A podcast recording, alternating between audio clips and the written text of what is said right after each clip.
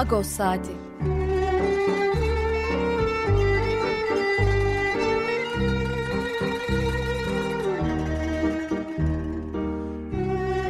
Haftalık Agos gazetesinin penceresinden Türkiye ve Dünya gündemi. Agos'un mutfağından haberler, söyleşiler, olaylar.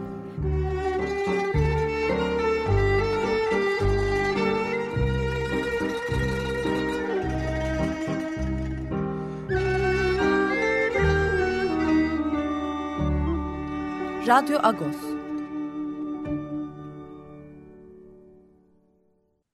Ողջույն Սիբերի ռադիո հոմգընտրողներ, աղավասիկ նոր, նոր շապատ օրմն է, նոր հաղորդումը ռադիո ագոսի ժամով աղավասիկ տարցյալ միասին ենք։ Ես պակրադեստուկյանս այս շապատ գխոսինք տարցյալ օրագարկի նյութերո մասին և ետ վարտանձիկյաննա մեզի էտ կլակի չեդո Peragabov. Günaydın sevgili Açık Radyo dinleyicileri. Radyo Agos saatinde hepinize iyi bir hafta sonu dileyerek başlayalım programımıza. Ee, bu haftada her zaman olduğu gibi yine haftanın gündemini özellikle de Agos'un penceresinden izlemeye çalışacağız. Agos'ta öne çıkan konulara değinerek bu haftayı değerlendirmeye çalışacağız. Yeni bir cumartesi, yeni bir hafta sonu ve yeni bir günün başlangıç saatleri. E, bu hafta yoğun bir e, gündemimiz var, yoğun bir programımız var e, ve bu program içerisinde de e, değineceğimiz konular var. O yüzden de e, her hafta e, Yetvar Dantikyan'la birlikte olan sohbetimizi bu hafta biraz daha uzun tutmaya karar verdik. Çünkü hem Türkiye Ermeni toplumunun gündeminde e, ilginç e, gelişmeler var, ilginç başlıklar var. Hem Türkiye geneline dair konuşmamız gerekiyor. E, geçtiğimiz günlerde e, Vakıflar Genel Müdürlüğü e, hastanesi olan vakıfların seçimine dair bir tebliğ yayınladı. Yeni bir yönetmelik taslağı yayınladı. E, bu yayınlanan e, taslak herhalde birkaç gün sonra e, resmi gazetede yayınlanarak yürürlüğe de girmiş olacak. E, şu anda o taslağın tartışmaları halen sürüyor. Çünkü taslakta daha önce olmayan bazı uygulamalar var. Bunlara da değineceğiz programımız boyunca. E, Yetvart'ta telefon bağlantısı eğer kurulduysa şimdi e, Yetvart'a da bir e, dönmek istiyoruz. Yetvart Pardon hattımız... duyuyor musun beni? Yetvart. Merhaba. Merhaba. Ee, biraz gecikmeli katıldım. Zoom bağlantımızda sorun çıktı. Şimdilik telefonla katılıyorum ama program içerisinde umarım bu sorun çözeriz. Fakat abi önce biz hangi şarkıyla başladık, hangi ezgiyle başladık onu bir anons edeyim istersen. İyi olur. Ee, Aram Haçaturyan. Evet, Aram, Aram, Haçat, Aram Haçaturyan'ın e, Gayane, Gayane beldesi var. Çok meşhur. Ondan bir e, sahneyle başladık. E, kızların dansı sahnesiyle başladık. Aram Haçaturyan'ın e, 120. doğum yılını e, kutluyoruz bu yıl. 6 Haziran 1903'te doğmuştu. Aram Haçaturyan dünya ünlü e, Sovyet e, Ermenisi diyelim. E, besteci e, yani Spartaküs'ünden tut da Gayane'ye kadar e, hakikaten bir döneme yani 40'lara 50'lere damgasını vurmuş e, Ermeni bir besteci ve Ermeni halkında toplumunda bütün dünyada gururlu bir isim. Onun e, 120. yılını kutluyoruz bu yıl. Doğum yılını kutluyoruz. E, onun e, meşhur Gayane e, badesinden bir e, ezgiyle başladık. E, evet Bakır abi sen girişi yaptın. E, yayınlandı derken şöyle yani hastanesi e, belki bilmeyen e, dinleyicilerimiz vardır. Şimdi e, azınlık toplumları e, seçimlerini vakıf seçimlerini yaptılar e, geçen sene. Fakat geçen sene yayınlanan yönetmelikte demişti ki hastanesi olan vakıflar e, 2023'te yapacak seçimlerini demişlerdi. O biraz tartışma yaratmıştı. E, niye böyle oluyor filan diye.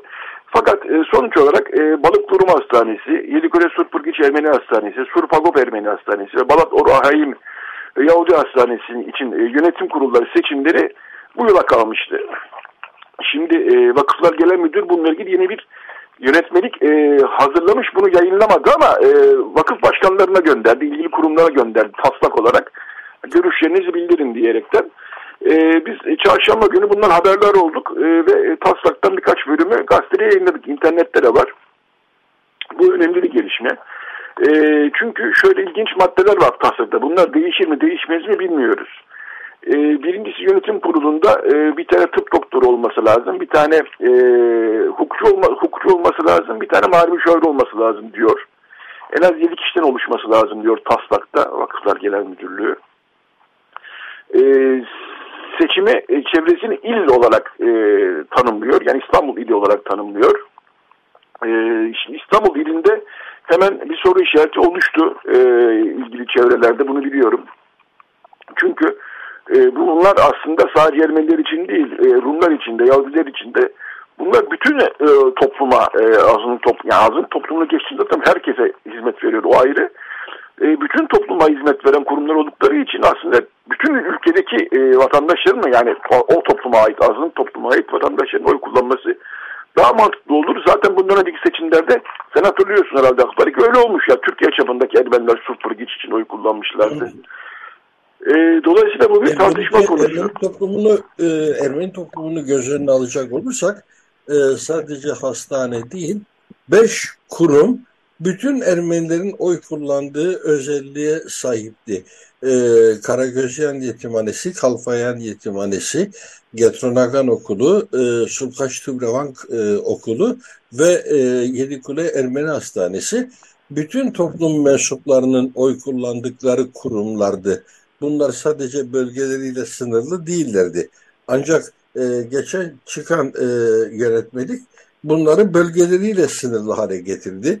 Buna itirazlar yapıldı ama bu itirazlara e, karşılık verilmedi. E, ilk çıktığı haliyle e, uygulandı o yönetmelik ne yazık ki.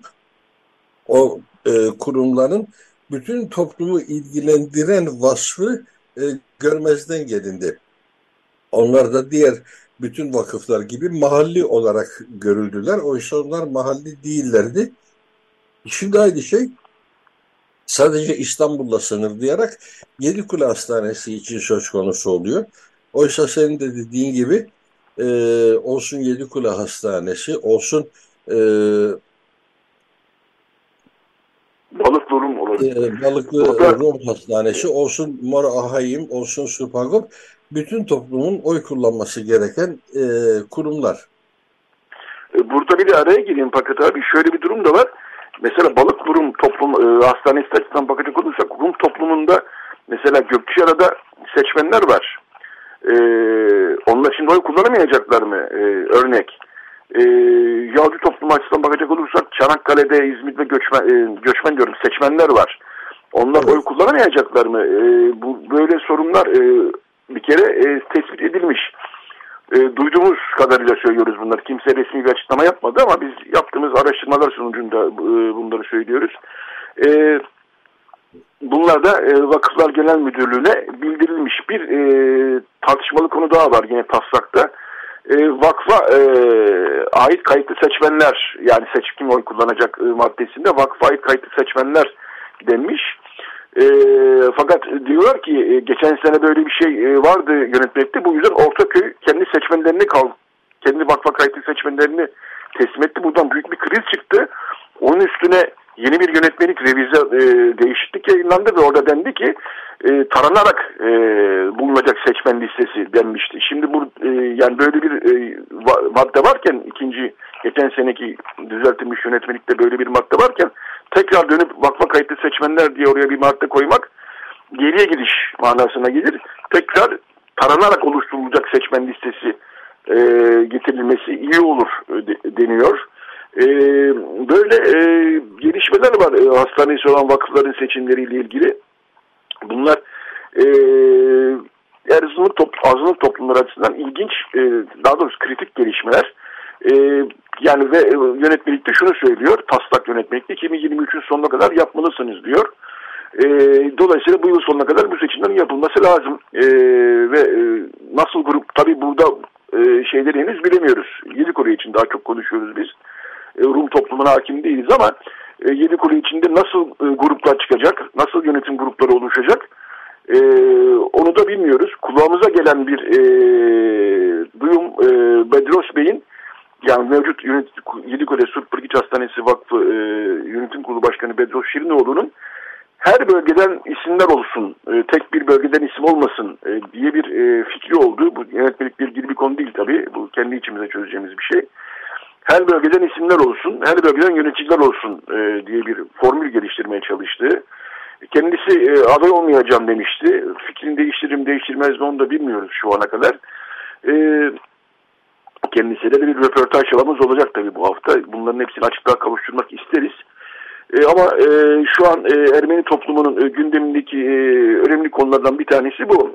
Diğer ikincisi de Beyoğlu Şura Vakfı'nda seçim olmuştu. Yeni yönetim e, devralmıştı. E, 12 Mart'taydı seçim. E, yeni yönetim e, devraldıktan sonra nasıl bir tabloyla karşı karşıya olduğumuzu merak ediyorduk. E, ilk açıklamasını Agos gazetesine yaptı ve e, birçok evrakın kendine teslim edilmediğini, kasada bulunması gereken bir para varken onun bulunmadığını söylediler. Onların iddiası bu. E, bunu da detaylı biçimde e, gazetemizde yer verdik. Bu hafta manşetimizde de o var zaten. E, Tokatlayan Han'ın durumuna ilginç, e, ilişkin önemli detaylar verdiler. Ve neler yapılacağına ilişkin önemli detaylar verdiler. Tokatlayan Han biliyorsunuz. Belki bilmiyorsunuz daha doğrusu dinleyicilerimiz. Beyoğlu Çoran Vakfı'nın uhdesinde bir e, mülk. Onlar e, Beyoğlu Çoran Vakfı yönetiyor. Yani Esayan Okulu, Galatasaray'daki Üç Oran Kilisesi, en önemli mülkler bunlar. Ve Tokatlayan e, Han, e, Tokatlayan Han'la ilgili de e, hangi sorunların tespit edildiği ve nelerin yapılmak üzere olunduğuna dair detaylar var.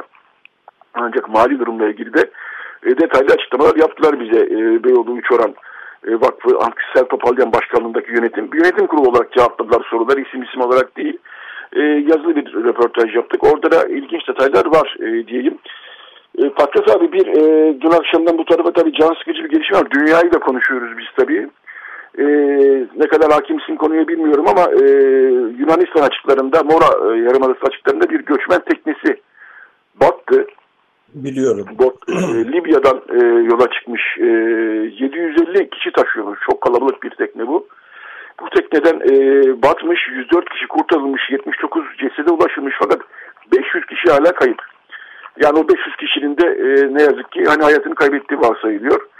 E, evet, bununla ilgili gerçekten şu an dünyanın büyük bir kısmı bununla ilgili e, nasıl oldu ne oldu bunu araştırılıyor. Yunanistan'a e, bu Avrupa sınırlarını korumak için oluşturulan Frontex diye bir AB inisiyatifi var.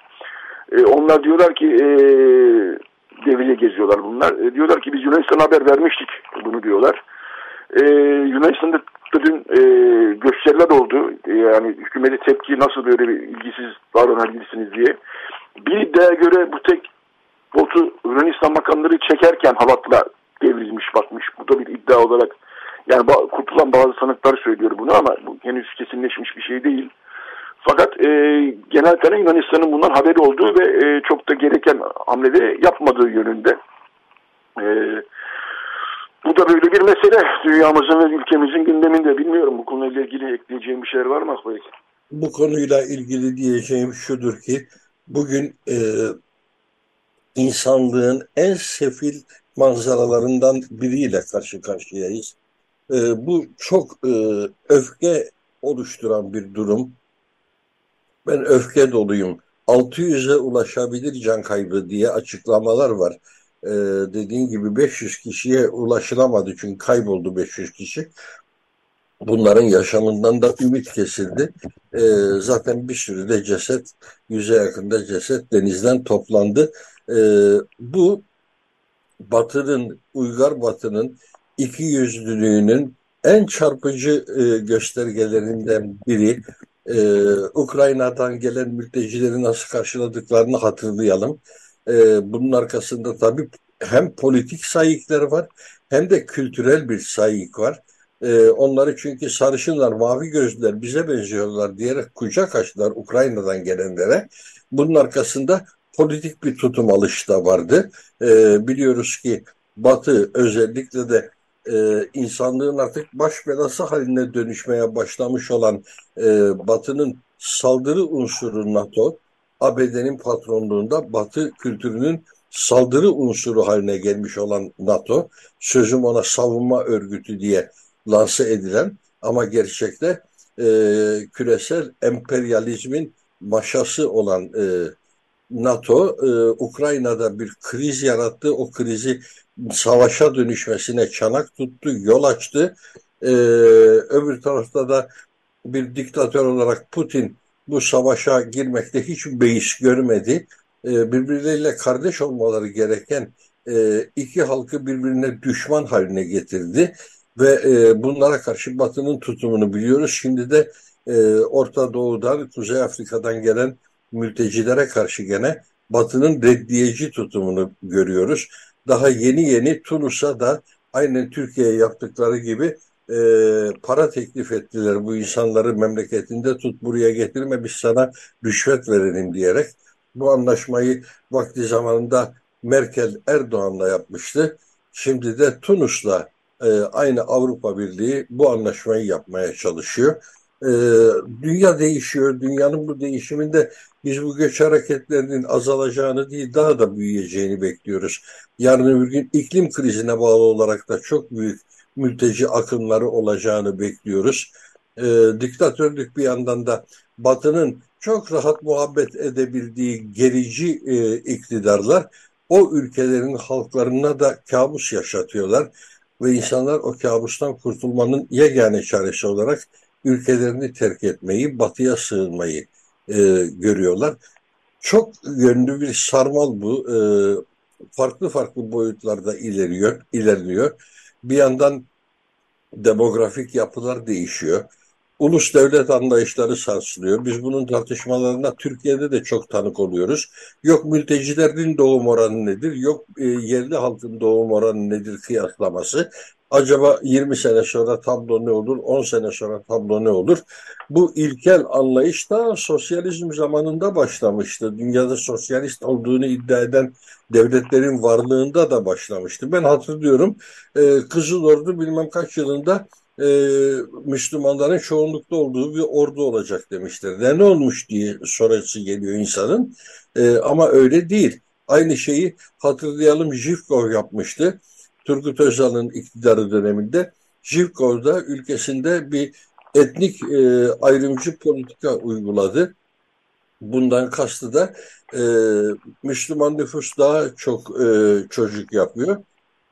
Bu gidişle e, Bulgaristan'da her 8 kişiden biri Müslümanken e, şu kadar yıl sonra her e, 4 kişiden biri Müslüman olacak kaygısıyla e, oradaki Türk azınlığın e, isimlerine müdahale etmeye kalktı. Hepsine Bulgar isimleri vermeye kalktı. O da bir göç dalgasına yol açmıştı. E, sonrasında da o göç dalgasıyla e, Bulgaristan'dan kaçanlar, Türkiye'ye ana vatan diye sığınan insanlar e, ilerleyen birkaç yıl içerisinde bu sefer aman Bulgar vatandaşlığımızı kaybetmeyelim, Bulgaristan Avrupa Birliği'ne üye oluyor diye e, yeniden Bulgaristan e, elçiliklerine gittiler. Bulgaristan'a gittiler. Vatandaşlık haklarını elde etmeye çalıştılar. E, şu anda o kaçtıkları ülkeyle e, çifte vatandaşlık yoluyla bir daha e, temaslarını sağlam tuttular. Bunu asla e, eleştirmiyorum. Çok e, anlamlı bir şey. İnsanların önünde bir imkan açılıyor çünkü Avrupa'da oluyorlar. E, Türkiye Avrupa'ya turist olarak bile gitmiyor. E, yeni yeni açıklanan istatistiklerle e, 2023'te 15 binin üzerinde ilk 5 ayda 15 binin üzerinde Türkiye vatandaşının iltica talebinde bulunduğunu görüyoruz Almanya'ya biraz daha uzun bir e, zaman içerisinde e, bu iltica taleplerinin toplam sayısı 200 binin üzerine çıkıyor. E, bunlardan sadece 70 bine yakını Almanya'ya yönelik iltica talepleri. Bu sefer de bütün bunlar karşımıza vize kısıtlamaları olarak e, dönüyor. O vize kısıtlamalarında da biz burada feveran ediyoruz ki istedikleri bütün belgeleri topladım gene de niye bize vize vermediler diye e, bir kültürel ayrışmaya, bir kültürel yarılmaya gidiyoruz. Bunun arkasında siyasi kamplaşmaların etkisi var. E, neoliberal kapitalizmin dünyayı dizayn etme çabaları var. E, bir yandan da küresel sıkıntılar olarak işte iklim krizinin daha da büyük göç dalgalarına yol açma ihtimali var. e, kabus gibi bir şey. Şimdi bu Yunanistan da e, 600'e yakın insanın ölümüyle sonuçlanması beklenen bu e, faciadan sonra bütün bunlar bir daha tartışma konusu. Allah'tan ki Yunanistan'da duyarlı bir kamuoyu var ve dün kitlesel bir miting düzenlendi bunu telin etmek için. O mitingde taşınan pankartlardan okuyabildiğim kadarıyla katiller diye bahsediyordu hükümet çevrelerinden, iktidarlardan. Evet, bugün Batı iktidarlarında e, siyasete yön veren katiller koalisyonudur. Şu veya bu e, ulusla tanımlanacak bir şey değil, bir koalisyon bu ve insanlığa karşı hareket eden, insanlığa karşı e, kumpaslar kuran bir e, katiller koalisyonundan bahsetmek lazım. Evet Fakret abi, e, hakikaten e, yani Batı'nın bu konudaki tutumu gerçekten çok eleştiriliyor, her yerde eleştiriliyor.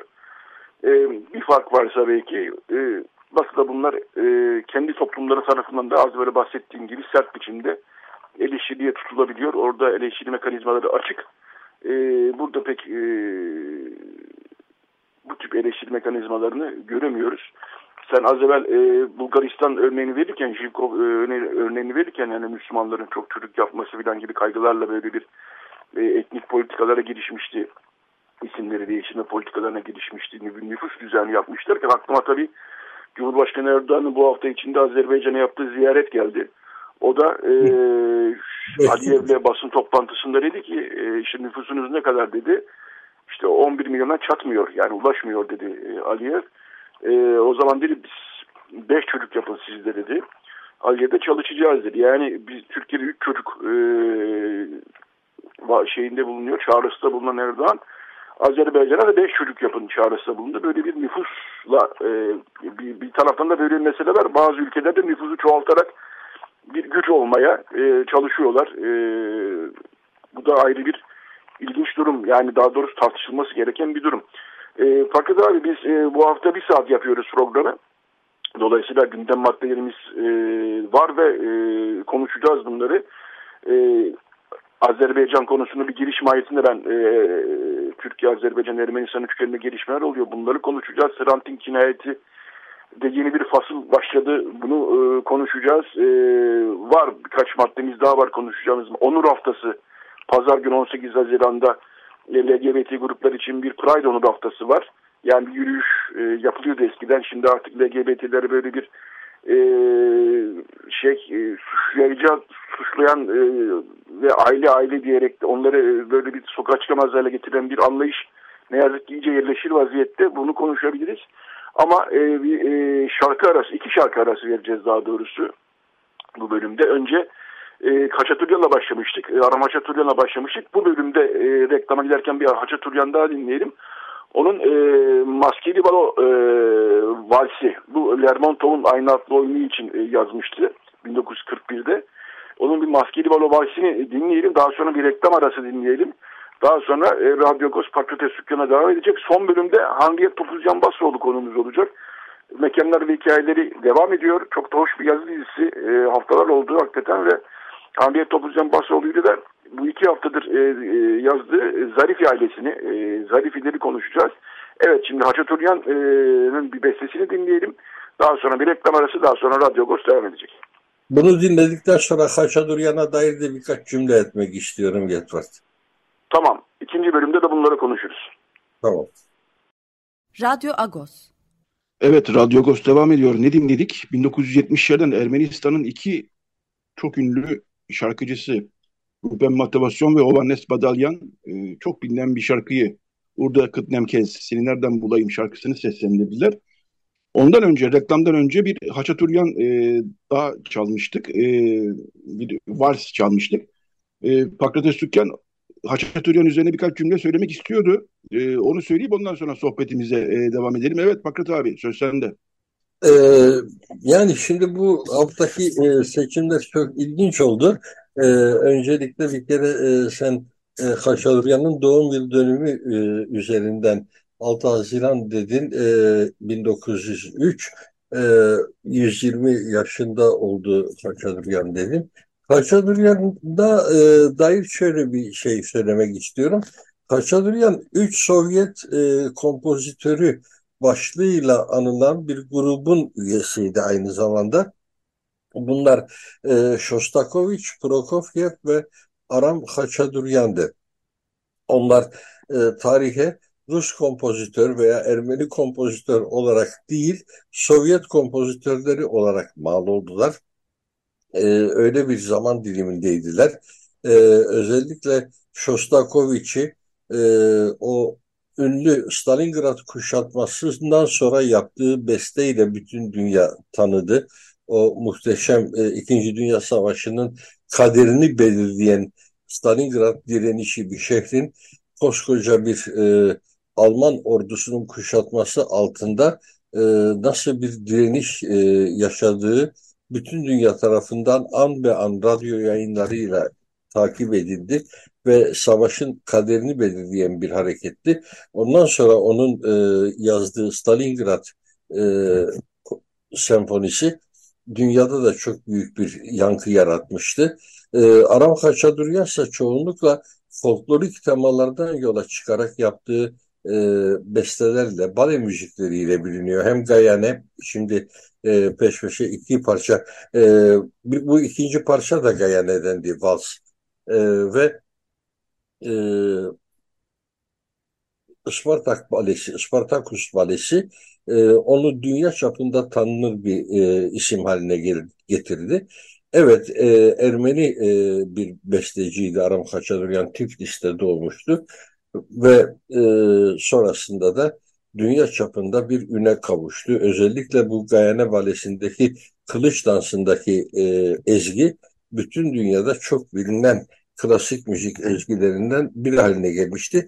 Bu notları düşmek istedim derken üzerine bir de e, Haşadur Avedisyan ve Hovannes Badalyan ve Ruben Mateosyan isimleri peş peşe geldi. E, Haşadur Avedisyan'ın e, 70. yıl dönümünü İstanbul'da kutladık. E, o da yeni bir hatırlatmaya yol açtı benim için. Sayat Nova Korosu olarak kendisini Yerevan'da ziyaret ettik, davet ettik İstanbul'a. Sağlığım el vermez ben gelemem ama beni temsilen Hovannes Badalyan gelsin, beni temsilen oğlum Mikael Avedisyan gelsin demişti bize. Ve öyle de oldu. Ee, 1996 yılında onun 70. yıl dönümünü İstanbul'da e, kutladık. Bu şarkı da e, İstanbul sahnelerinde dolayısıyla e, Babaannes Badalyan tarafından seslendirilmişti. Ee, şimdi bunu dinlerken bütün o günler hatırıma geldi. Onları da paylaşmak istedim. O yüzden böyle bir parantez ihtiyacı duydum Getfat. İyi yaptın Akbarik. E, reklama gitmeden, şarkı arasına gitmeden önce e, Erdoğan'ın Azerbaycan ziyaretinden biraz giriş mahiyetinde konuşmuştuk. Şimdi orada da ilginç gelişmeler oluyor. Erdoğan e, işte geleneksel e, olarak e, seçilenler, başbakanlar, cumhurbaşkanları ilk ziyaretlerini Kuzey Kıbrıs'a ve Azerbaycan'a yapıyorlar son 20-30 yıldır. Erdoğan da öyle yaptı. Önce Kuzey Kıbrıs'a gitti, oradan Azerbaycan'a geçti. Azerbaycan'da yaptığı açıklamalar bu aylardır, yıllardır konuştuğumuz gelişmeler açısından önemliydi. E, Zangezur koridorunu tekrar gündeme getirdi e, Erdoğan. E, Aliyev de öyle. Bu Zangezur koridorunu sık sık konuşuyoruz burada. E, İkinci Karabağ Savaşı'ndan sonra ortaya atılan, Türkiye-Azerbaycan tarafından ortaya atılan bir proje bu. Nahçıvan'la e, Azerbaycan'ı e, birbirine bağlayacak bir koridor tasarlanıyor. Bu koridor otoban mı artık nasıl düşüneceksek Ermenistan topraklarından geçiyor. Ermenistan da buna karşı çıkıyor. Diyor ki benim topraklarımdan geçecek ve benim kontrolümde olmayan bir koridora ben kırmızı çizgimdir, karşı çıkıyorum e, diyor. E, fakat Türkiye ve Azerbaycan da bunu gündemde tutmaya devam ediyorlar. E, ilginç tarafı şu, İran da bu koridora karşı çıkıyor. Çünkü o e, Nahçıvan'la Azerbaycan'ı birbirine bağlayacak olan o mutasavver e, koridor e, İran'la Ermenistan e, arasındaki sınırı yok edecek. E, ve İran'da benim sınırlarımda bir değişiklik istemiyorum e, diyor. Şimdi bu açıklamalardan sonra e, Türkiye basında şunları görmeye başladık. Yani koridora Ermenistan e, aslında çok fazla ses çıkarmıyor ama İran aslında ses çıkarıyor diyerekten İran e, bizim ilişkilerimizi e, zedeliyor e, diye. Bu sefer İran hedef tahtasına konmuş vaziyette Türkiye e, medyasında. E, böyle ilginç gelişmeler var e, Fakret abi. E, bilmiyorum. E, bir de şunlar var tabii. E, bu arada Azerbaycan'da sınırdaki e, ihlallerini artırmış vaziyette son bir haftadır. E, bir e, fabrikaya ateş açıldı Azerbaycan, Ermenistan'ın yaptığı açıklamalara göre. Ve burada iki Hindistanlı, Amerikan vatandaşı Hindistanlı e, insan yaralandı. E, Laçin koridorundaki abluka devam ediyor. Oradan e, insani e, dolaşım hala engellenmiş vaziyette. Dolayısıyla durum e, biraz da e, kızışıyor mu diyelim, ne diyelim, ne dersin Akbariç? E, durum geriliyor tabii, durum geriliyor. E, ama öncelikle şu Zankezur meselesine gelecek olursak, Türkiye e, Ermenistan'ın bağımsızlığını ilan ettiği tarihten itibaren e, Ermenistan'ı devre dışı bırakacak e, çözümleri her zaman önceledi. Hatırlayalım Azerbaycan gazının, Hazar petrollerinin e, Türkiye'ye gelişinde de e, büyük çaba sarf edildi. Bu e, gaz hattının, boru hattının Ermenistan'dan geçmemesi için. O yüzden de çok daha zahmetli bir şekilde Kafkasya'dan, e, Güney Kafkasya'daki sıra dağlar aşıldı Gürcistan üzerinden ve öyle taşındı gaz Türkiye'ye. Şimdi de gene e, Ermenistan'a uğramadan Azerbaycan'a gitmenin çabasıdır bu Zangezur koridoru. Koridor kelimesi gerçekten de Ermenistan'ın egemenliğine bir tehdit olarak gündeme getiriliyor. Bunun Ermeniler tarafından kabul edilmesi mümkün değil. Erdoğan açıklamasında Paşinyan'ın itirazı yok. İran az itiraz ediyor dedi. O yüzden Türkiye medyasında bu İran karşıtı yayınlara rastlamaya başladık. Yoksa medya kendisi uydurmadı. Bunu bizatihi Erdoğan söyledi. Ee, Ermenistan hükümetinin e, sıkıntı yarattığını düşünmüyorum. Esas engel İran'dan geliyor dedi. İran da bu engelinde çok haklı çünkü dediğin gibi e, İran-Ermenistan sınırını ortadan kaldıracak bir girişim e, Zangezur koridoru. Daha da önemlisi Ermenistan'ın egemenliğini ortadan kaldıracak bir şey. Yani Ermenistan toprağından Ermenistan'ın denetimi dışında geçecek olan bir koridordan bahsediyoruz. E, bu ne kadar kabul edilebilir bir şey bilmiyorum. Ermenistan'ın buna itirazı tabii ki yüksek perdeden devam ediyor halen. Ee, Ermenistan razı kelimesini ben anlayabilmiş değilim. Neye istinaden böyle bir şey söyledi Erdoğan? Ermenistan'da kim ona bu konuda bir güvence vermiş de böyle bir açıklama yaptı onu bilmiyorum ama e, İran meselesinde üretilen her tartışma e, çok risklidir. Çünkü bir yandan da biliyoruz ki şu anda gene küresel anlamda Batı'nın hedef tahtasında İran var. Yani e, Suriye'yi e, batırdıktan sonra, Suriye'yi imha ettikten sonra şimdi hedeflerinde İran var. Ama İran Suriye gibi kolay yutulacak bir lokmaya benzemiyor belli ki. E, ama tehlikeli sular o İran'la ilgili e, bazı kumpasların e, üretildiği ortamlar e, her şeyi alt üst edebilecek bir denklem de çıkabilir oradan. Bütün hesaplar e, ters yüz olabilir. Ama Batı şüphesiz ki İran üzerine çalışıyor. İran üzerine çalışırken de bir kez daha Türkiye çok riskli bir pozisyona gelebilir. Çünkü İran'la Türkiye arasındaki karşıtlığın tarihsel bir arka planı var. Tarihsel bir e, birikimi var e, orada. Osmanlı İmparatorluğu'ndan beri süre gelen Pers İmparatorluğu ve Osmanlı İmparatorluğu birbirine rakip iki devlet yapılanması olarak şekillendiler. Ee, ta 3. şey Yavuz Sultan Selim Şah İsmail dönemine kadar bunu dayandırmak mümkündür. Öncesi de vardır ve sonrası da vardır. Ama bölgedeki stratejik e, gelişmeler onların aynı yapı içerisinde yan yana gelmelerine de zemin yaratmıştır geçmişte. Şah Rıza Pehlevi döneminde e, farklı ilişkiler vardı. Çünkü her ikisi de Amerika'nın uydusu olmaya hevesli iki e, devlet yapılanmasından konuşuyoruz. Hem Menderes hükümetlerinden başlayarak Türkiye hem e, Rıza Pehlevi döneminde İran e, Amerika'ya e, payanda olmaya e, teşne iki ülkeydiler. Hatta İran rejimi için e, Amerika'nın jandarması ifadesi bile kullanılıyordu o bölgede. E, sonradan o jandarmalık görevi fevkalade bir şekilde İsrail'e geçti. O ayrı mesele ama bugün İsrail'in de can düşmanı İran'dır. Ee, Azerbaycan'ın İran'la zaten sorunu var.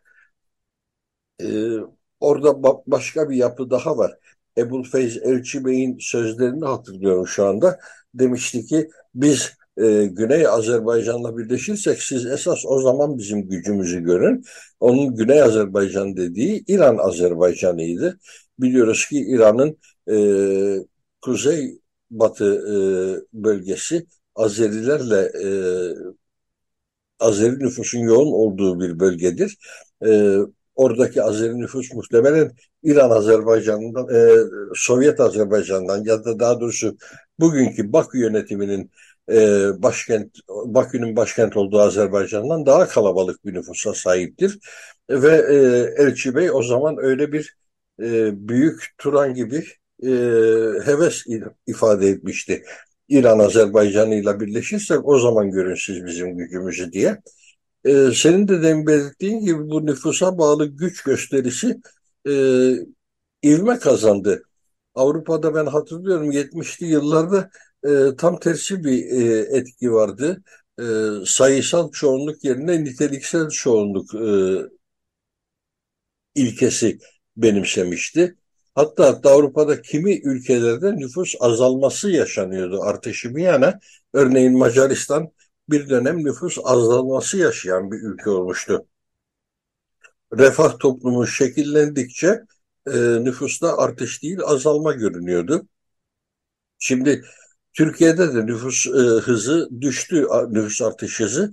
E, bunu tabii kentleşme ile paralel görmek gerekir. E, benim çocukluğumda Türkiye'de nüfusun yüzde sekseni, yetmişi kırda yaşıyorken 20'si 30'u şehirlerde yaşıyordu. Bugün bu denklem tam tersine düşmüş durumda. E, nüfusun yüzde sekseni e, şehirlerde, yüzde yirmisi e, kırsalda yaşıyor, köylerde yaşıyor. E, ama buna karşılık şehirler de köyleşti demek de mümkün. E, fakat şehir yaşamında e, doğurganlık azalıyor tabii kırsaldaki gibi olmuyor. E, nitekim Ermenistan'da da tablo benzer bir şekilde gelişiyor. Orada da e, aileler çok çocuklu olurlardı. Şimdi artık öyle değil. E, kent yaşamında insanlar bir çocuk, iki çocuk maksimum bununla yetiniyorlar. Erdoğan evet Türkiye'de en az üç çocuk derken bu hesapla da Azerbaycan'a gittiğinde en az beş çocuk yapın dedi. Aliyev de ona cevap olarak e çalışacağız dedi. Nasıl çalışacak ne yapacaksa artık orası kendi bilecekleri bir şey ama e, bütün denklemler alt üst oluyor. Nüfus planlaması denen bir kavram vardı. O kavram çoktandır rafa kalktı. Artık hiç o konuda siyaset üretilmiyor. Doğurganlık, çoğalma herkesin kaygısı. Avrupa'daki insanlar vay gelen mülteciler daha çok doğuruyor diyor. Türkiye'de de aynı muhabbet var. E, her yerde bu e, nüfus doğurganlık e, büyük bir mevzu haline geldi ve strateji kazanmış oldu. Yani nüfusumuz artık doğurganlıkla e, güvence altına alınabilir. Yoksa eyvah eyvah başkaları daha çok doğuracak, biz az kalacağız gibi bir kaygı her yere hakim olmaya başladı. Evet Fakret abi son birkaç dakikaya geldik. Bir saat dedik ama gene e, süre hızlı aktı. E, bu son birkaç dakikada ben Hrant Dink cinayeti davasında olup bitenleri bir özetlemek isterim. E, aslında 2021 yılında kamu görevlilerinin yargılandığı Hrant Dink cinayeti davası sonlanmıştı. Yani yerel mahkeme kararını vermişti. E, bazı isimler hüküm giymişti, bazı isimler zaman aşımı ve beraat yüzünden cezasız kalmıştı. Ve e, din ailesi avukatları da bu karara itiraz e, etmişlerdi ve e, bu zaman aşımı ve beraatten e, işte Celalettin Cerrah gibi isimler e, içinde olduğu bir grup içinde zaman aşımı ve beraat e, doğru değil demişlerdi. Bu itiraz İslah Mahkemesi de kabul görmemişti ve din ailesi avukatları Hakan Bakırcıoğlu rahmetli diyeceğiz artık ne yazık ki e, içinde olduğu din ailesi avukatları bu itirazlarını yargıtaya taşımışlardı. Fakat Nisan ayında yeni bir gelişme oldu. E, bu sefer e, bu kamu görevlilerinin yargılandığı davada hüküm giyen isimlerin de aralarında olduğu e, 11 kişi için yeni bir soruşturma ve dava açıldı. İşte bu Ramazan Akgürek, Ali Fuat Yılmazer, e, Faruk Sarı bunlar zaten e, cinayetten hüküm giymişlerdi. Bunlar anayasayı ihlal suçundan bir dava açıldı. Erhan Tuncel gibi, e, Yasin Ayal gibi isimler içinde e, terör örgütü üyesi olmamakla beraber onun hizmet amaçlarına hizmet etmek e, gibi bir e, suçlama getirildi. E, ilk davada e, soruşturulmayan e, iki isim, e, Trabzon Tem Şube Müdürlüğü'nde görevli iki isim de var. Iki isim de var. Şimdi bu dava başladı çarşamba günü. E, Dink ailesi avukatları da Hülya Deveci, Emel Ataktürk e, girdiler e, ve orada da e, müdahil oldular. E, bu bahsettiğim Trabzon Tem Şube'de görevli iki isim açısından aslında e, Dink ailesi avukatları bu davaya müdahil olmuş durumda. Diğer konularda yapacakları bir şey yok çünkü onlar doğrudan Dink cinayetiyle ilgili görünmüyor getirilen suçlamalar. E, bu iki isim e, ilgili e, ifadeler e, yeni yollar açabilir e, düşüncesiyle Dink ailesi avukatları da bu davaya müdahil oldular. E, dava e, açıldı, ilk, ilk ifadeler alındı ve 20 Eylül'e e, ertelendi. Bu davayı da yeni bir dava olarak takip edeceğiz. E, onu e, bir notunu düşmek istedim e, gündemi konuşurken. E, ilk bölümde kısaca konuşmuştuk. Onur haftası içinde yine e, bahsettiğim gibi e, büyük bir baskı var. E, 2015-2016'ya kadar bu Onur haftası yürüyüşleri yapılabiliyordu. İki ayrı onur yürüyüşü oluyor. Bir transların e, trans onur haftası var, bir de LGBT onur haftası var. Bunlar Avrupa'da e, dünyanın her yer, birçok yerinde diyeyim, her yerinde demeyeyim. Çünkü bu Türkiye'ye benzer tutum alan e, sağcı iktidarlar da var. E, yapılabiliyor ama Türkiye'de dediğim gibi son e, 6-7 yıldır yapılamıyor ve e, sert müdahalelerle insanlar gözaltına alınıyorlar. Dün İnsan Hakları Derneği'nde bir basın açıklaması yapıldı. E, aktivistler e, barikatları kaldırın, e, bu bir yaşam hakkıdır. E, biz hani yürüyüşümüzü yapmak istiyoruz, güvenliği sağlayın dediler. Fakat gerek İstanbul valisi gerekse İzmir valisi izin vermeyiz e, tutumunda. Böyle de bir meselemiz de var e, Pakrat abi. E, son bir iki cümlem varsa alayım. Daha sonra e, şarkı arası ve artık bitiyor bu bölüm. E, Pakrat abiye ulaşamıyor muyuz acaba? Yoksa ben mi attım düştüm? Onu bilmiyorum ama. Buradayım buradayım buradayım. Yatıyor. E, Pakrat abi evet e, kapatıyoruz bu bölümü. Son bir iki cümlem varsa e, alalım daha sonra e, reklama gideceğiz çünkü. Valla bu söylenen tabii ki çok yerinde bir e, tespit bir yaşam hakkı bir meselesi. Ama bu yaşam hakkını özellikle de dindar yönetimlerin e, kabul etmesi pek mümkün gözükmüyor. Var güçleriyle buna karşı çalışacaklar. Hatırlayalım bunu son seçimlerde de bir propaganda malzemesi yaptılar. Bütün söylemlerini bunun üzerine kurdu sağcı e, zihniyet. Ve bu sadece Türkiye'ye özgü değil. Senin de dediğin gibi birçok ülkede benzer tablolar görüyoruz. Ermenistan'da da görüyoruz. Özellikle din adamları bu tür e, tepkinin başını çekiyorlar. Yani LGBTİ bireylere karşı tepkinin başını din adamları çekiyorlar orada da. E, ama bu bir yaşam hakkıdır. Ve e, bu konuda tabii ki e, LGBTİ'lerin mücadelesini desteklemek zorundayız o mücadeleyi. Yani biz kendi özelliğimizle varlığımızı e, ortaya koyuyoruz. Biz varız diyorlar. Bu var olma mücadelesi e, buna engel olmak, e, suyun akışına engel olmak gibi bir şey pek mümkün değil yani. Evet, e, Fakret abi çok teşekkürler. Bu hafta olan sohbetimizi bir, bir saate yaydık aşağı yukarı. E, epey de gündemde madde vardı, konu vardı çünkü. E, şimdi bir şarkıyla bu bölümü kapatalım. E, bu hafta da yer verdik. Mıgırdıç Mikailyan çok yetenekli bir gitarist. E, bu hafta da bir yarışmaya katılacak. E, hem Lübnan hem Ermenistan'ı temsil edecek. E, onun bir e, performansıyla, kısa bir performansıyla, gitar performansıyla, icrasıyla bu bölümü kapatalım. İkinci, son bölümde artık e, saat 10'dan sonra Hanriye Topuzcan Basyolu konumuz olacak. O da e, Mekanlar ve Hikayeleri yazı dizisine devam ediyor e, Ağustos'ta ve iki haftadır Zarifi ailesini yazıyor. Hem hayat hikayesini hem de onların hayırseverlik girişimlerini, çalışmalarını yazıyor. Hoş e, hikayeler var bu e, yazılarda. Hanriye Topuzcan Basoğlu konumuz olacak. Evet şimdi Mıgırdiş Mikael Yan'dan e, dinleyelim. Scherzino Mexicano, Manuel Ponce'nin bir e, bestesi bu. E, kısa bir gitar icrası dinleyeceğiz. E, daha sonra bir reklam arası gelecek. Daha sonra Radyo devam edecek. Çok teşekkürler Pakrat abi. E, rica ederim. Abi. Rica ederim. Sana da iyi, iyi bir hafta sonu diliyoruz. Teşekkür ederim. Sağ olasın. Evet. Mıgırdiş Mikael Yan'ı dinleyelim. Radyo Agos. Evet, Radyo Agos devam ediyor. Bu bölümde yeni bir konu ve yeni bir konuğumuz var. Hanriyet Topuzyan Basoğlu. Ee, Agos okurları kendisini artık yakından tanıyor olmalılar. Çünkü e, yaklaşık 40 haftaya vardı neredeyse. Mekanlar ve Hikayeleri e, dizisini e, üstün bir e, başarıyla devam ettiriyor. Çok müteşekkiriz kendisine. Çünkü çok hoş hikayeler çıkıyor buradan. E, daha çok Türkiye toplumundaki e, Levanten azınlık toplumlarından e, isimler e, Osmanlı döneminin son döneminden Osmanlı İmparatorluğu'nun son döneminde damgasını vurmuş. Yani 1800'lerin sonları 1900'lerin başlarında damgasını vurmuş isimlerin e, hayat hikayelerini ve burada bir e, hoşluk var. Onların tabii yaşadıkları binalar veyahut da yaptırdıkları binalar bunları birleştirerek e, kaleme alıyor Henriette Topuzcan Basoğlu. Çok hoş hikayeler çıkıyor gerçekten. Kendisini daha önce e, Radyo Agos'ta e, konuk etmiştik zaten ama aradan epey bir vakit geçti. E, hem de iki haftadır e, arka arkaya Zarifi e, ailesini, Yorgo Zarifi ve eşi Zarifi e, konu ediyor. İlk geçen hafta e, Yorgo Zarifi vardı, bu hafta da Eleni Zarifi vardı. İkisi de birbirinden ilginç hayat hikayesine sahip ve e, hayırseverlik için e, hakikaten çok büyük çalışmalar yürütmüş. Rum toplumuna yönelik elbette. Hayırseverlik çalışmalar yürütmüş. İşte ama aynı zamanda Osmanlı e, sarayıyla da sultanlarla yakın ilişki içinde olmuş isimler bunlar. Bilhassa Yorgo Zarifi bir banker zaten. Dolayısıyla hem Zariflerin hikayesini biraz konuşalım dedik. Hem de e, Henriette Topuzcan Basoğlu'nun e, daha önce e, kaleme aldığı ilginç hikayeler de vardı. Onların da belki şöyle bir üzerinden geçeriz. Günaydın Henriette Hanım, hoş geldiniz yayınımıza. Hoş bulduk, nasılsınız? Teşekkür ederim. Teşekkürler, siz de iyisiniz umarım. İyiyiz, sağ olun. Yazış, ee, yazmaya devam ediyoruz.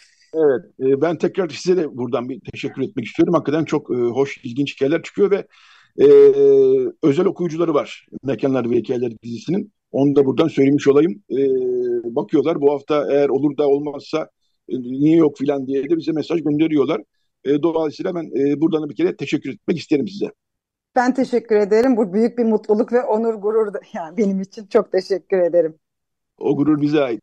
Şimdi Zarif ailesiyle başlayalım isterseniz. Ee, bu hafta yeni Zarif'i var eşi ama geçen hafta da Yorgo Zarif'i vardı. Evet. Yorgo Zarif'i e, bir banker e, ama e, çok ilginç de bir hayat hikayesi var. Aslında bütün mal varlıklarını kaybediyorlar. E, evet, evet.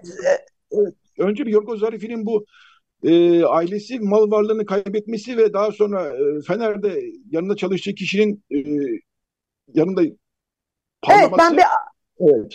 Başlayalım. Bir Evet anlatmaya çalışayım. E, Yorgo Zarifi'nin ailesi bu Erdek yakınlarında Paşa Limanı e, eski adıyla Alioni adasına kadar dayanan bir aile ve bunlar e, şarap, üzüm, pekmez e, üzerine bir e, ticaret yapıyorlar. İstanbul'a geliyorlar ve bunlar çok erken bir tarihte e, İstanbul'a geliyorlar ve Yorgo Zarifi 1807 yılı gibi e, İstanbul'da Arnavutköy'de yaşıyorlar ve o zamanki alınan e, bilgilerden e, yazlık evleri Arnavutköy'de, kışlık evleri e, Fener'de.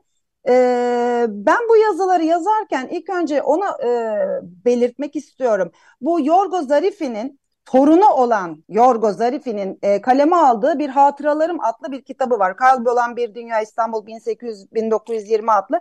Bütün okuyuculara, dinleyicilere de tavsiye ederim e, eğer yani özel bilgileri varsa yani 1800 ile 1920 arasındaki bütün İstanbul'u ve ailenin yaşamını e, anlatan çok güzel bir panoramaya sunan bir e, şey.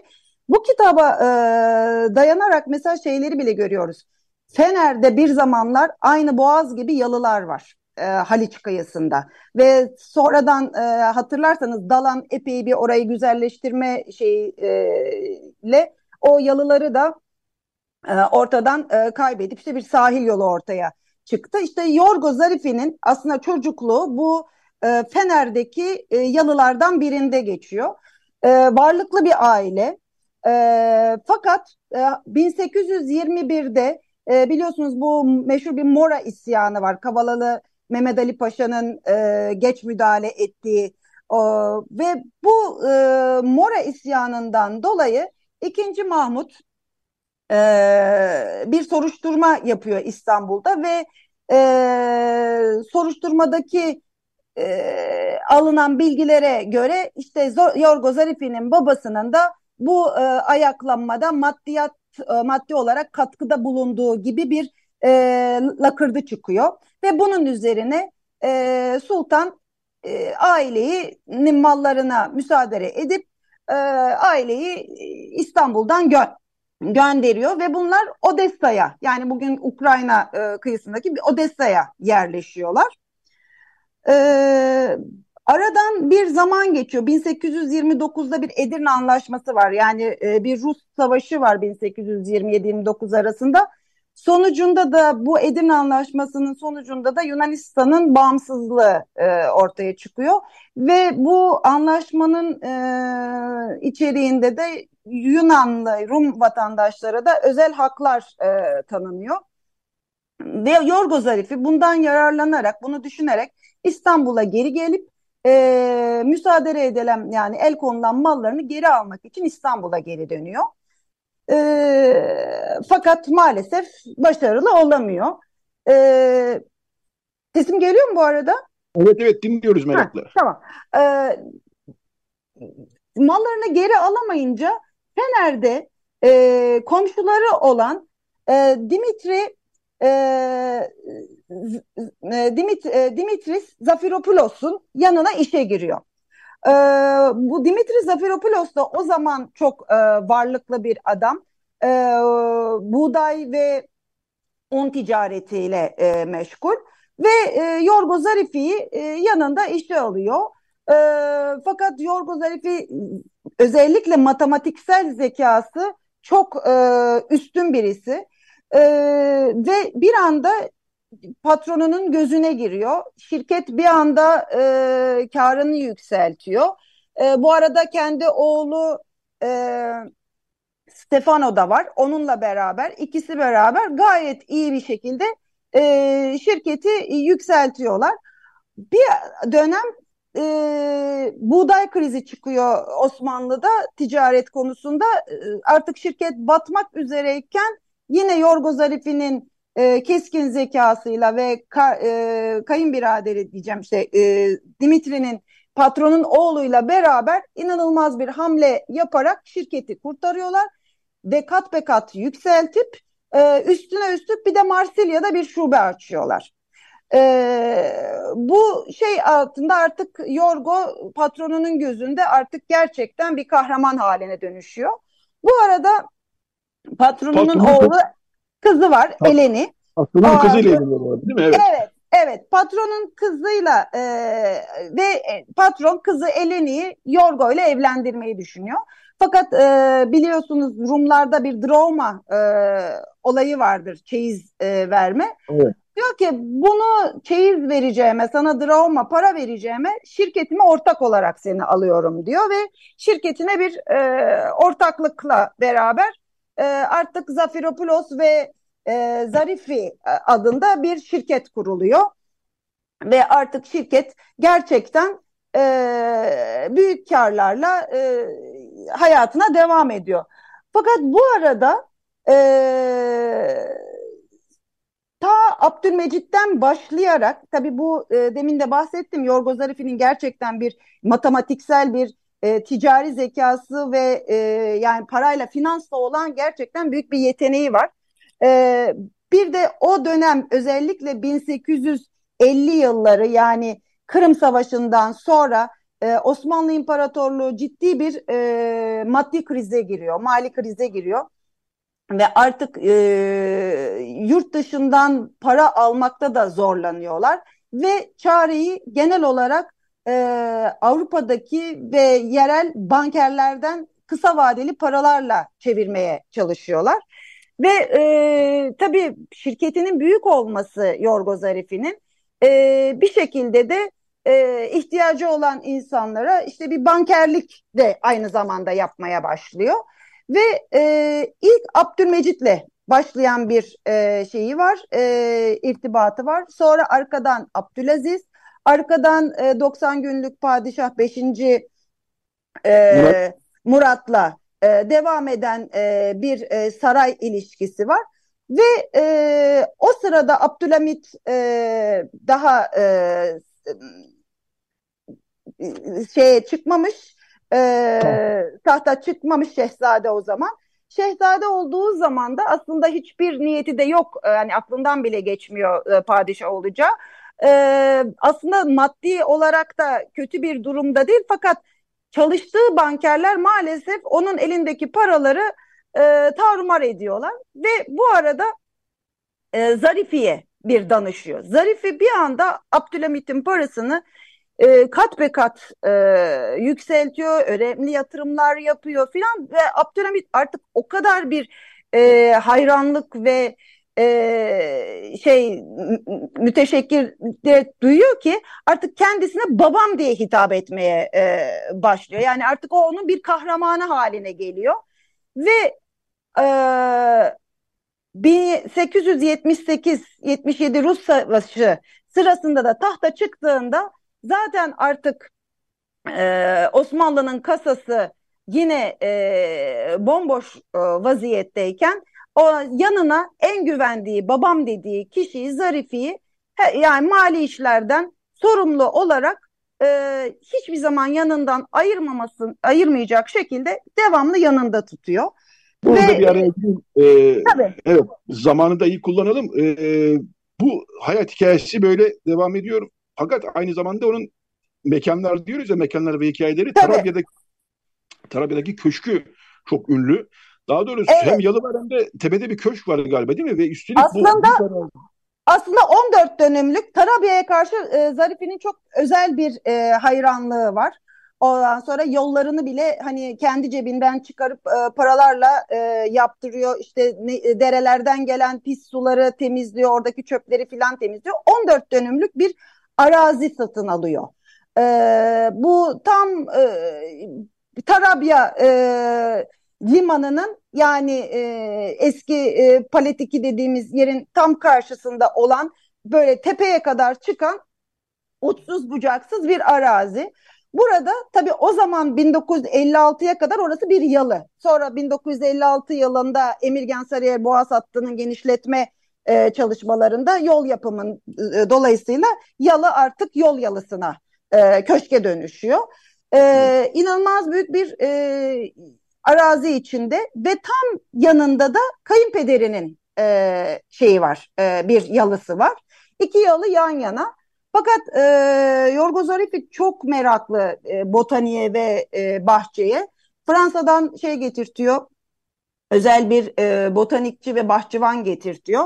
E, bugün e, yani o zamana göre İstanbulluların hiç tanıdık olmadığı muz, vanilya ve ananas e, e, diktiriyor. Yani oradaki o araziyi ilk önce e, tarasalar haline, taraçalar haline getiriyor. Kat kat hale getiriyor. Daha sağlamlaştırıyor.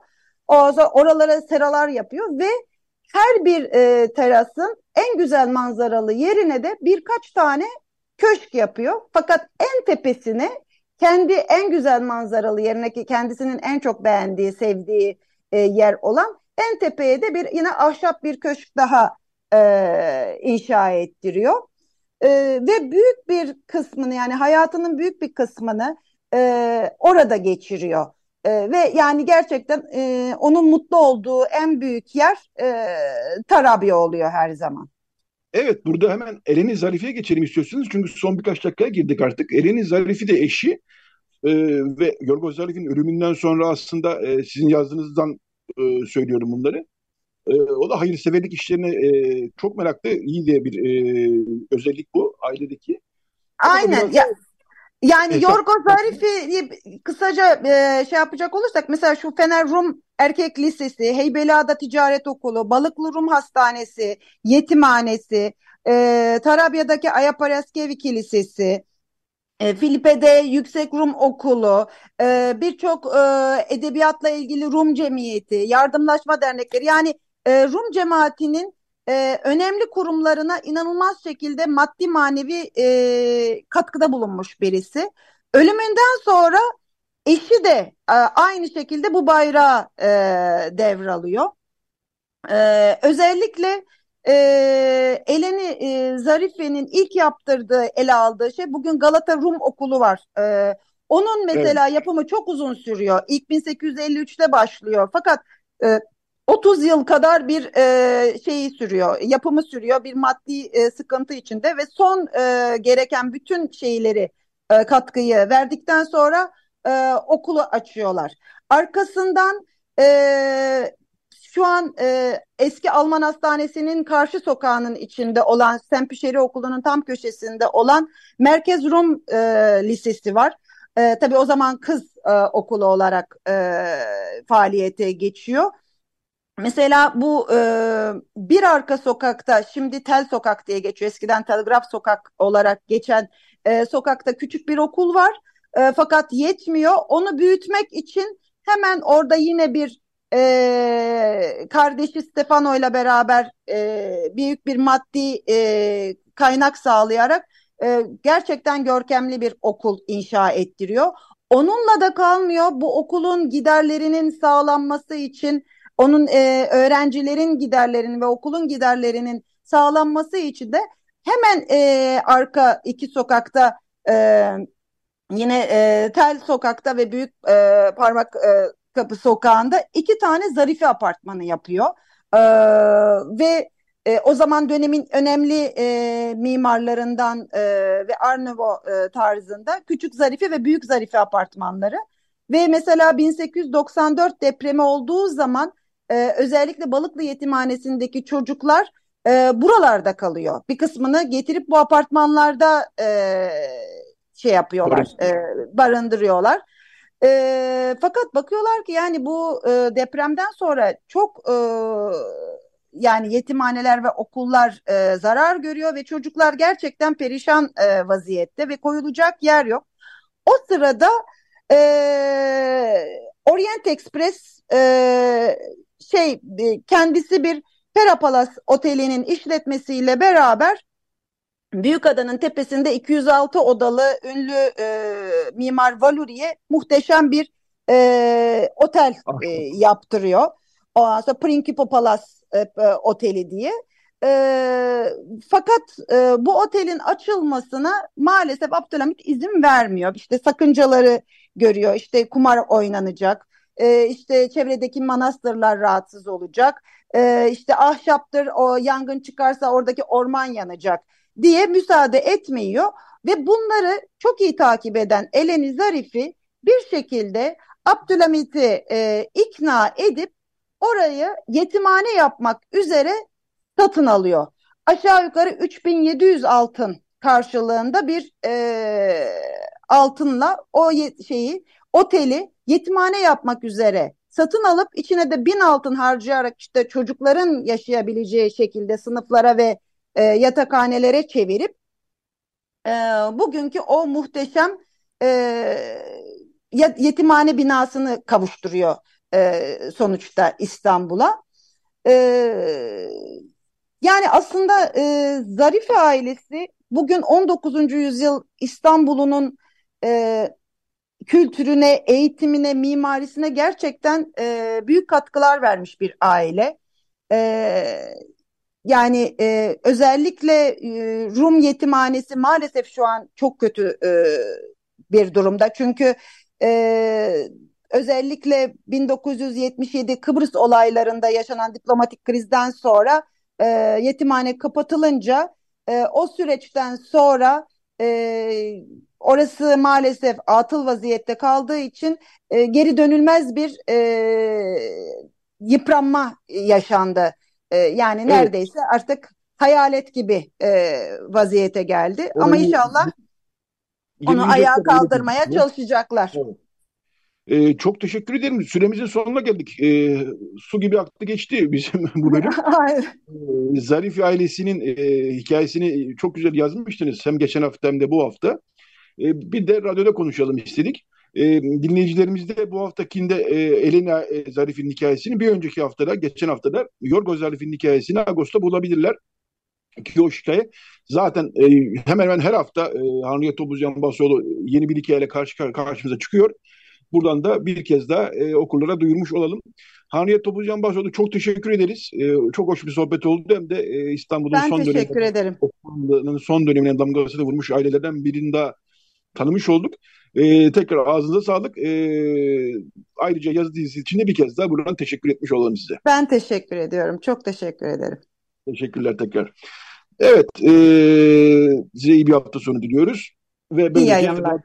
Teşekkürler. Böylece de Radyo Goz'un bu haftada sonuna geldik. Recile Baran Baltaş yardımcı oldu.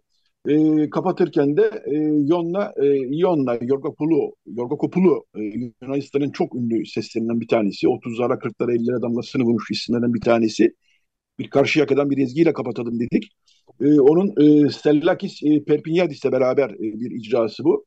E, Argos Vinis Moni e, yani yavaş yavaş tek başına sönüyorsun e, diyor aslında bir sevgi sevgiliye gene bir aşk şarkısı bu. E, evet Ionna, Ionna Yorga Kopulu'yu ve Stella Lakis e, Perpignadis'i dinliyoruz. E, Argos Vinis Moni. Bizden bu haftalık bu kadar. Haftaya yeni bir Radyo Agos'ta buluşmak üzere.